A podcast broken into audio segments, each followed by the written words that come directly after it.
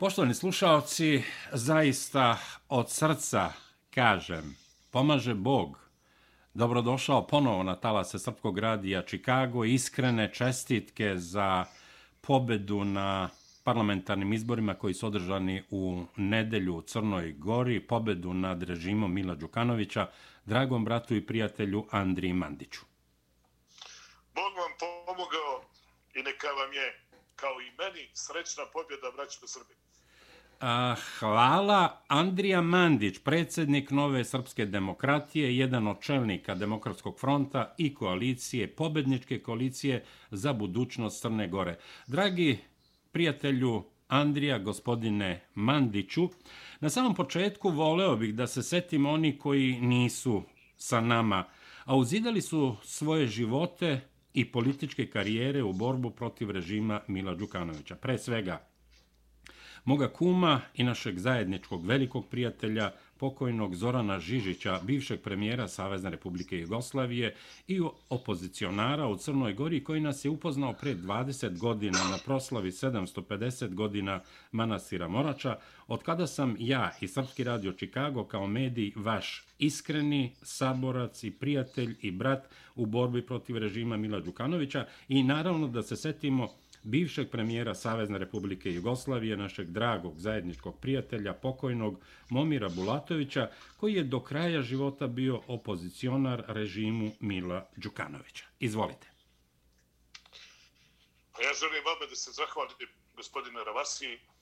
I evo, pomenuli ste ljude koji su pokojni, ali za koje sam siguran da se njihova duša raduje ovome što se desilo u Crnoj Gori davno je bilo te 2002. godine kada je proslavljano 750 godina od osnivanja manastira Morače i kada je patrijar pokojni sveti naš patrijar Pavle služio liturgiju zajedno sa gotovo svim arhijerejima Srpske pravoslavne crkve kada nas je upoznao vaš kum Zoran Žižić i e, od tada pa do danas ja mislim da postoji jedan jasan kontinuitet da je Srpski radio Čikago i da ste vi, naši prijatelji iz Amerike, snažno podržavali opciju da Crna Gora sačuva svoju istorijsku vertikalu, da Crna Gora ne izgubi se u ovim smutnim vremenima i da Crna Gora ne pođe po zlu putu.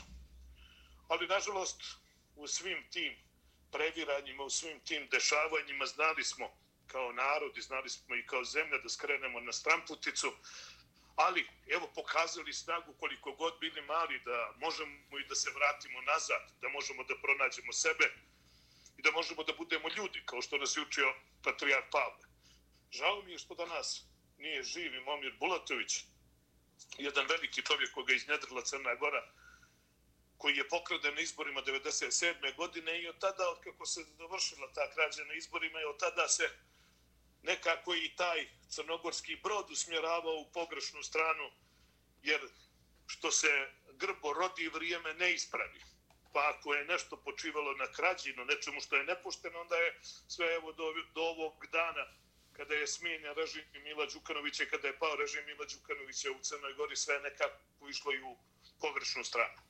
No, ovo, su, ovo je sada jedno veliko istorijsko vrijeme, imam privilegiju da sam vodio i upravljao kampanjom najjačeg političkog saveza, da u okviru tog političkog saveza naš demokratski front od 27 mandata koliko smo osvojili, on ima 19 mandata, uspjeli smo da objedinimo 11 stranaka, uspjeli smo da jednu nestavnačku ličnost, veoma blisko Srpskoj pravoslavnoj crkvi, predstavimo u ovoj, u ovoj predizbornoj kampanji kao jedno novo lice, kao jednu poruku sigurnosti e, za sve Eh, posebno za one koji nije su glasali ranije za demokratski front. Mi smo i na izborima 2016. godine kao opozicije ukupno osvojili 39 mandata, a za većinu u Crnogorskom parlamentu neophodno je 41 koje smo sada osvojili.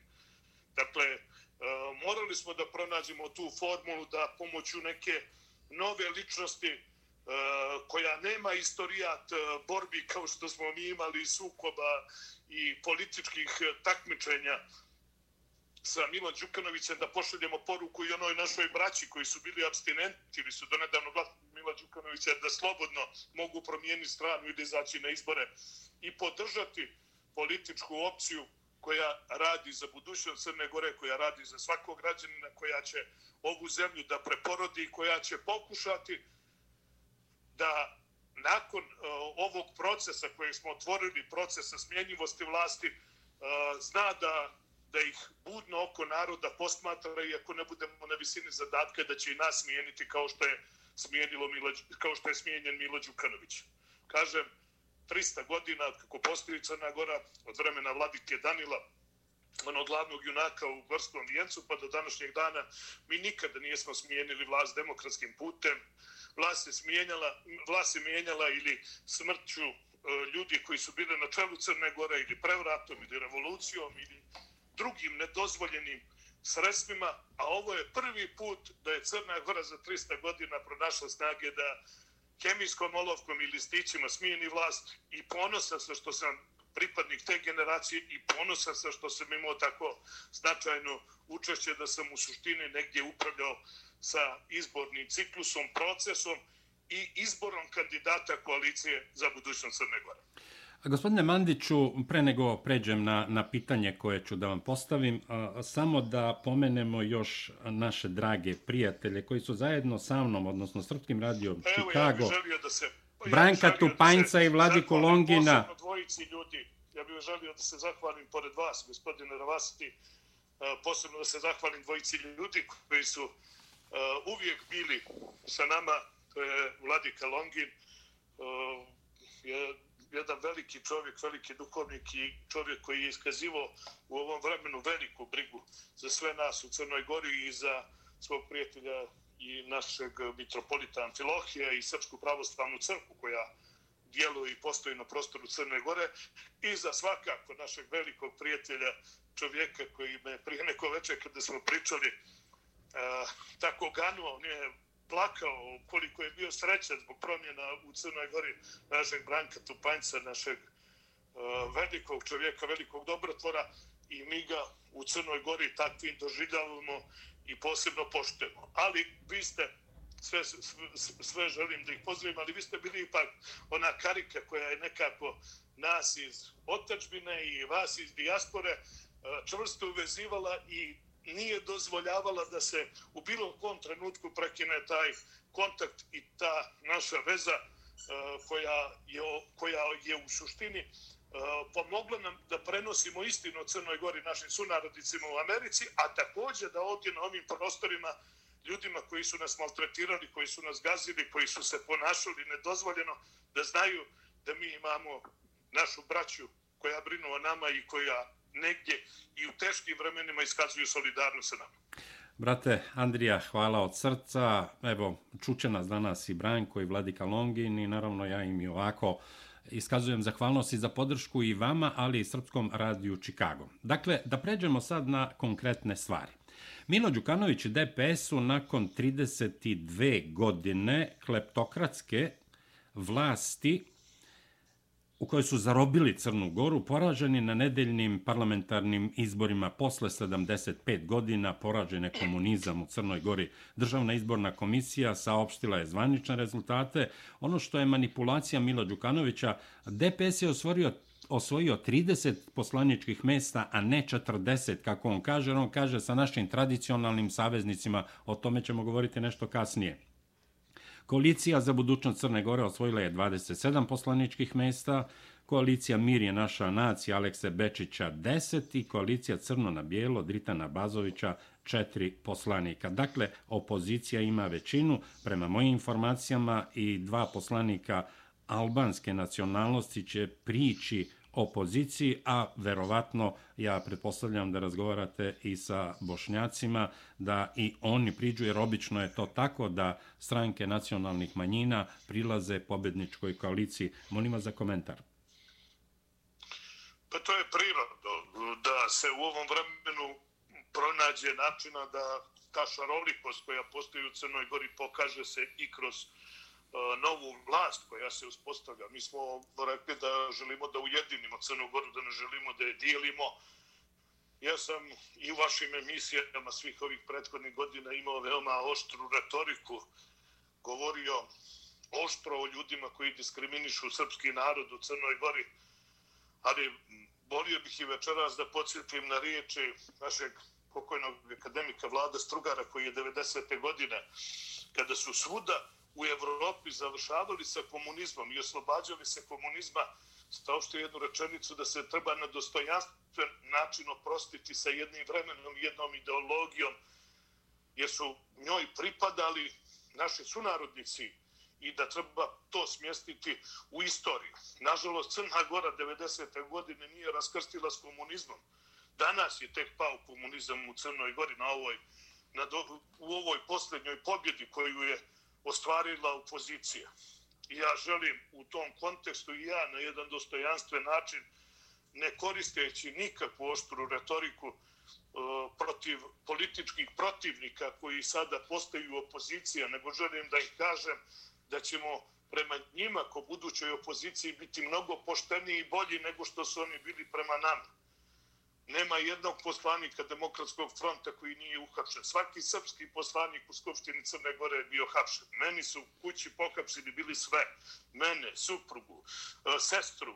A nije su jedino majku, sve to gospodinu Kneževiću gospodinu Knežoviću su uhapsili. Andrija i sina vašeg su hapsili. I sina vašeg su hapsili. Hapsili su mi sina, hapsili su mi sinovca. Ja, mislim, to je bio jedan onaj teror kakav je postojao u Crnoj Gori 48. godine, samo na jedan uh, umiveniji način. Nije postojao goli otok i nije su imali pravo da baš likvidiraju političke protivnike bez odgovornosti, ali sve ostale ali sve ostale mjere su preduzimane. E, svade kada su ti politički protivnici oboreni. E, ja želim da se na dostojanstven način, da ne budemo kao oni, nego na dostojanstven način e, pronađemo načina da se i oni uklope u, u jedno slobodno društvo kako želimo da gradimo u Crnoj Gori. Ja sam prvostepeno osuđen na pet godina zatvora zajedno sa gospodinom Kneževićem za lažni državni udar iz 2016. godine. Uh, podmetačina, lažni svjedoci, lažni dokazi, e, strogo kontrolisano tužilaštvo, neprofesionalna policija, to je sve ono što je karakterisalo Crnu Goru. I ne bih želio da sutra neko od ovih ljudi koji su bili na drugoj strani suoče se s tim da mi moramo njima da izmišljamo e, i podmećemo lažne svjedoke, da im podmećemo bilo šta, da svako odgovara u skladu sa dokazima, tako što će profesionalna policija i profesionalno tužilaštvo odraditi posao i da neće biti nikakvih zloupotreba. To je naša želja. Svatamo da u svakom društvu, pa i u društvu stare demokratije poput Amerike, postoje devijacije, a ne u, u društvu koje od, tek od nedavno je uveden više partijski sistem kao što je Crna Gora. Ali da znamo put kojim treba da se krećemo, da radimo na tome da budemo bolji, da e, ne budemo u, one, ja ne želim lično da budem stravinar, e, bio sam hrabar zajedno sa mojim kolegama kada je trebalo biti hrabar i kada smo bili manjina. Danas kada smo većina, želim da se ponašamo i plemenito i viteški i da budemo bolji od onih koje smo smijenili. Gospodine Mandiću, da li vam je pomalo čudna pod navodnicima tišina iz tabora Mila Đukanovića. Da li Milo sprema nekog novog Đakovića kao što je to uradio sa Đakovićem u Budvi kad ga je potkupio i dobio većinu i kupovinu nekog poslanika kako bi formirao većinu u Skupštini Crne Gore. Sa druge strane, mnogi kažu da je moguće da će Milo izazvati velike nerede i sukobe, a Demokratska partija socijalista već za 6. septembar najavljuje veliki skup podrške državi Crnoj Gori u Podgorici. Dakle, da li je moguće da Milo Đukanović svojim marifetlucima, jer on je izuzetno opasan čovek, da li je moguće da svojim marifetlucima i onim što je karakterisalo njegovu 32-godišnju kriminalnu vlast, dođe do neke većine da izazove sukobe, a ako ne dođe do većine, tim sukobima da proglasi vanredno stanje? Ja mislim da je to već potpuno nerealan scenario. Da vam mi kažem jednu informaciju da, su se dana, da se danas Demokratska partija socijalista ogradila tog skupa koji je najavljen za e, 6. septembar, e, da to nema veze sa njima kao partijom, bar su tako javno saopštili, E, morate da znate da je Demokratska partija socijalista bila jedna od onih komunističkih stranaka koja je držala tvrdu unutrastranačku disciplinu gdje su pratili jedni na druge u onom najboljem maniru starih totalitarnih vremena e, i da nakon ovog poraza, poraza te iste večeri kada je saopšteno da su ostali u manjini da najmanje 30% ljudi koji je podržavalo tu politiku ili se plašilo pak od te politike da više ne pripada toj političkoj opciji. Tako da ja mislim da je to nerealno, a pogotovo je nerealno ovaj scenariju vezan za Đakovića. Stotine hiljada ljudi koji su na litijama nosili krstove i ikone, molili, molili se Bogu, e, zimu zgazili snijeg, kisnuli, e, sada uredno stajali e, na biračkim mjestima. Gospodine Ravasi, ja sam se suočio u, u kraju gdje ja živim, u, u Podgorici. E, mi tu, tu tradicionalno pobjeđuje opozicija, ali e, kada sam vidio te redove, posebno redove mladih ljudi koji su tek postali punoljetni, koji po sat vremena uredno čekaju da bi dali svoj glas, uh, shvatio sam da sa tom energijom, sa tom snagom, nema više ni tog Đakovića, niti tog Đaka kojim bi se mogla promijeniti volja koju je narod pokazao te večer. A čelnici pobedničkih koalicija, Krivokapić, Bečić i Abazović najavili su konstituisanje Skupštine i ekspertske vlade do kraja septembra, odnosno za tri nedelje. A šta znači ekspertska vlada i da li ćete bez problema moći da konstituisate Skupštinu ako Milo Đukanović ne bude dao mandat za formiranje vlade i ako bude odugovlačio sa svim onim što je njemu trenutno na raspolaganju? Pa procedura je sljedeća. Do srijede u 20 sati svi učesnici izbora imaju pravo da podnesu žalbe na izborni proces, odnosno na nepravilnosti koje su uočene na pojedinim biračkim mjestima. Nakon toga opštinske izborne komisije i Republička izborna komisija donose odluke da li se ponavljaju izbori ili ne na mjestima gdje su podnijete takve žalbe. Pa onda tu postoji jedna procedura koja će e, da nakon što bude završena i e, 15 dana potom nova skupština održava prvu sjednicu. Tek onda može da, da, da se da mandat novom premijeru. Dakle, to je jedna procedura koja podrazumijeva određeni vremenski rok i u svu želju našu ili bilo čiju da to završimo što je moguće prije E, da konstituišemo novu skupštinu, to je nemoguće jer se mora procedura ova o kojoj sam govorio u potpunosti ispoštovati. A što se tiče ekspertske vlade, kada se govori o ekspertskoj vladi, misli se da u parlamentarnoj većini pronađu se ponajbolji kadrovi koji mogu da e, obavljaju taj važan posao, posao u ovom prelaznom vremenu i to ne isključuje da će se u ekspertskoj vladi nalaziti i političari. Iz jednog jednostavnog razloga što za politiku nema većih eksperata od političara i konkretno postoje određeni segmenti u, u, u kojoj se dominantno bave, bave političari. Tako da uh, je poruka o ekspertskoj vladi u suštini poruka da ćemo mi željeti da u novoj vladi imamo najbolje kadrove. I to kadrove koji neće biti kadrovi Demokratske partije socijalista. Pa to, naravno, jer... to se Da, juče su Krivokapić, Bečić i Abazović dogovorili četiri principa na, koje, na kojima će počivati nova vlast Crne Gore, a Dritan Abazović je danas bio rezolutan. Samo ekspertska vlada bez Demokratske partije socijalista. Koji su to principi, gospodine Mandiću? Pa znate, eh, svi konstituenti buduće vlasti važno je da su saopštili da niko neće formirati vladu sa demokratskom partijom socijalista. Znate, kada se formira vlada u demokratskom svijetu, postoje neka pravila. Rita Nabazović, e, koji ima visoko poštovanje svih nas, ali on ima četiri poslanika. Recimo, koalicija za budućnost Crne Gore ima 27. E, Bečićeva koalicija ima 10 mandata. E, tako da uz sve jake formulacije, uz sve želje moramo voditi računa da bude negdje u, u pravilno ispoštovana i ta volja glasača koji su ne slučajno nekome dali 140.000, a nekome dali e, 10-12.000. Mislim, sada o tome isto treba voditi računa i nije dobro da se e, pažnja javnosti koncentriše sada samo na one, na one ljude koji se nalaze pod pritiskom uh, kako protivnika, tako e, ih dovoditi u nezgodnu poziciju od strane partnera da oni sada nameću i diktiraju neke posebne posebne uslove. Ja vjerujem da će se konstituisati vlada, da će u toj vladi se nalaziti uh, najbolji ljudi, ali da ne bi bilo nikakvog okolišenja. Nama je važno da se demontira ovaj režim i to je prvi posao nove vlade koju treba, koji treba da, da bude završen.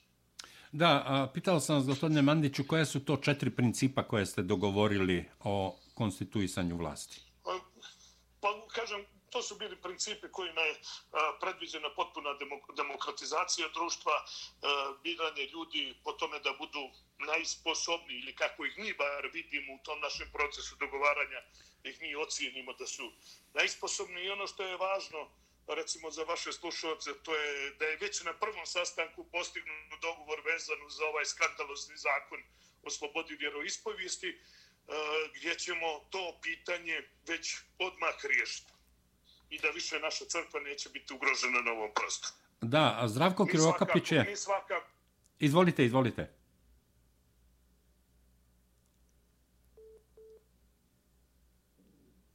Halo. Gosopskog radija Čikago, Andrija Mandić, izvolite, imali smo mali prekid. Da, da, mali prekid smo imali, Andrija. problem, mi koji predstavljamo srpski narod u Crnoj Gori imamo posebne zahtjeve koji se odnose na, a inače smo i najbrojniji u budućoj vlasti, imamo zahtjeve koje vjerujemo da će nam svi drugi ispoštovati, a to je da se zaustavi diskriminacija srpskog naroda na ovom prostoru, da budemo ravnopravni sa drugim narodima i to je ono što očekujemo da bi trebalo da bude uvaženo i poštovano. Da, Zdravko Krivokapić, nosilac liste za budućnost Crne Gore u pobedničkom govoru, odnosno izlaganju. Evo, opet imamo mali prekid. Očigledno neko da Andriju Mandića zove na, na regularan telefon.